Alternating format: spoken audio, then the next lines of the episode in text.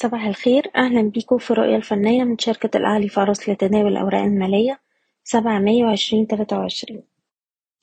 الأسبوع اللي فات كان في محاولة لاختراق مستوى المقاومة الرئيسي سبعتاشر ألف سبعمية خمسة وستين نقطة لكن المؤشر مقدرش يأكد اختراق المستوى ده الأعلى وبدأ في التراجع على مدار جلسات الأسبوع وقفلنا بالقرب من أقل مستويات الأسبوع عند سبعتاشر ألف ميتين خمسة وتسعين نقطة. تركيزنا دلوقتي بيتجه على مستوى الدعم سبعتاشر ألف مية خمسة وسبعين وده أقل مستوى في آخر تلات أسابيع.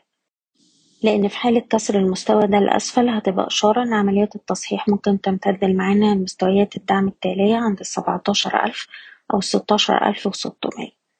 من الناحية التانية أقرب مستوى مقاومة عند سبعتاشر ألف ربعمية وعشرين لكن تظهر أول إشارة قوة بتأكيد اختراق المستوى المقاومة الرئيسي عند سبعتاشر ألف سبعمية خمسة وستين. وبالتالي مهم جدا في الوقت الحالي تخفيض مراكز الشراء بالهامش ورفع مستويات حماية الأرباح لأقل مستويات اتسجلت في الأسبوع اللي فات حسب كل سهم على حدة. بشكركم بتمنى لكم التوفيق.